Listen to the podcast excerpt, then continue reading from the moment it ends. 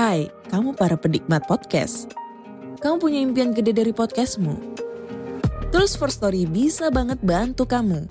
Mulai dari F-Link, Dynamic Audio Insertion, sampai statistik yang komprehensif. Semua ada di First Story. Gak ketinggalan kamu bisa monetisasi podcastmu lewat iklan dari First Story Ads yang bisa kasih kamu penghasilan dari setiap place podcastmu. Yuk gabung sekarang dengan klik di firststory.me. Sekali lagi, klik di firststory.me. Mari kita bawa mimpi podcastingmu menjadi kenyataan.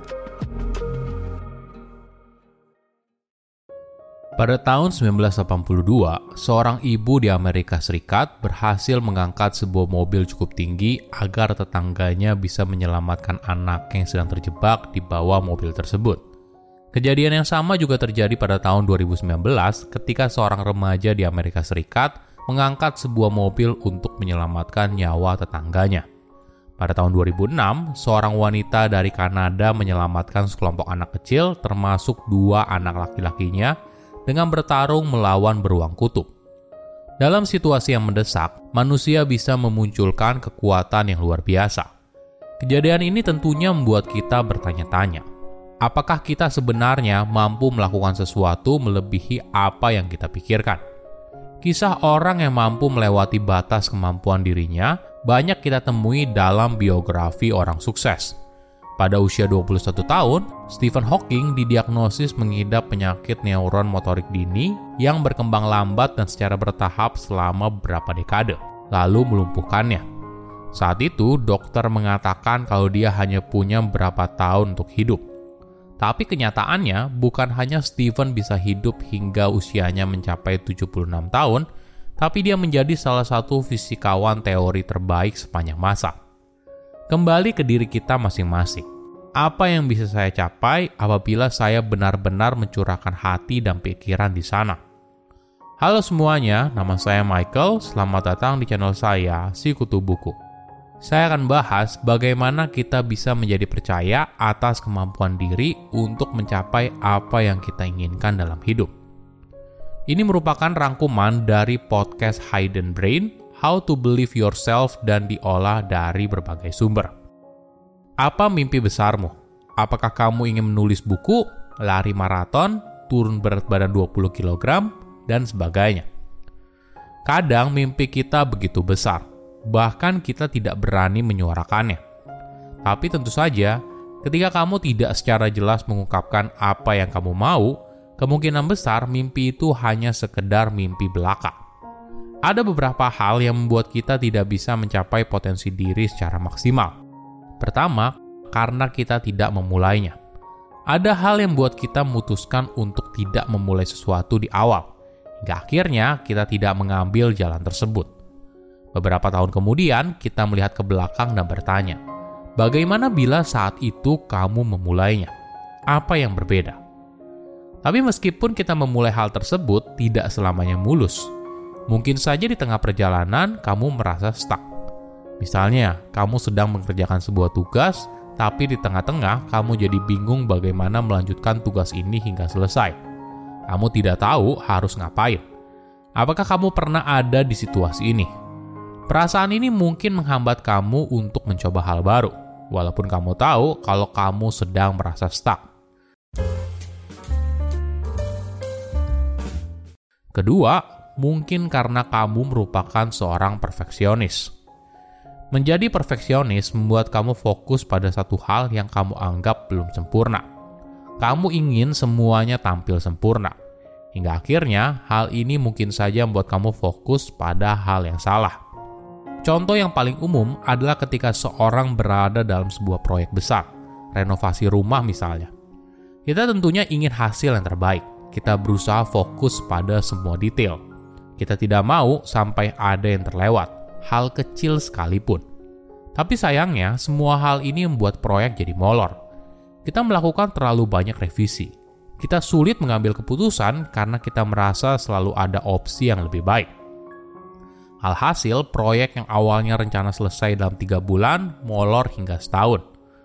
Apakah kamu familiar dengan hal ini? Ironinya, menjadi perfeksionis justru tidak membuat kamu makin bertumbuh Ketika ada kesalahan muncul, kita menghabiskan waktu untuk menyalahkan diri sendiri, selalu bertanya-tanya, "Kenapa sih kita gitu?" dan sebagainya. Sayangnya, hal ini tidak selalu membantu. Kita lupa ketika kita terlalu keras pada diri sendiri, tidak akan buat kita jadi lebih baik, justru membuat kita semakin terluka. Ketiga, mencari bantuan dari ahlinya. Bayangkan kamu ingin belajar sesuatu, gitar misalnya. Kamu tentunya ingin langsung bisa belajar dari ahlinya kan? Kalau bisa dari orang nomor satu. Secara logika, hal ini masuk akal. Tapi kenyataannya, ini bukanlah keputusan yang tepat. Kita mungkin sepakat kalau Albert Einstein merupakan seorang ilmuwan yang brilian. Tapi dia kesulitan saat memberikan materi soal fisika dasar. Faktanya, dia hanya berhasil menarik beberapa murid di awal kuliahnya lalu terpaksa harus membatalkan semua kelasnya di semester berikutnya karena tidak banyak murid yang mendaftar. Kenapa? Banyak siswa merasa apa yang diajarkan oleh Einstein terlalu rumit. Hal ini bisa dimaklumi. Kadang seorang jenius tahu terlalu banyak dan tidak bisa memahami bagaimana rasanya menjadi seorang pemula. Ditambah lagi, materi yang dibawakan mungkin saja sudah puluhan tahun yang lalu sejak pertama kali dia belajar hal tersebut. Banyak orang mungkin merasa kalau sukses itu seperti garis lurus.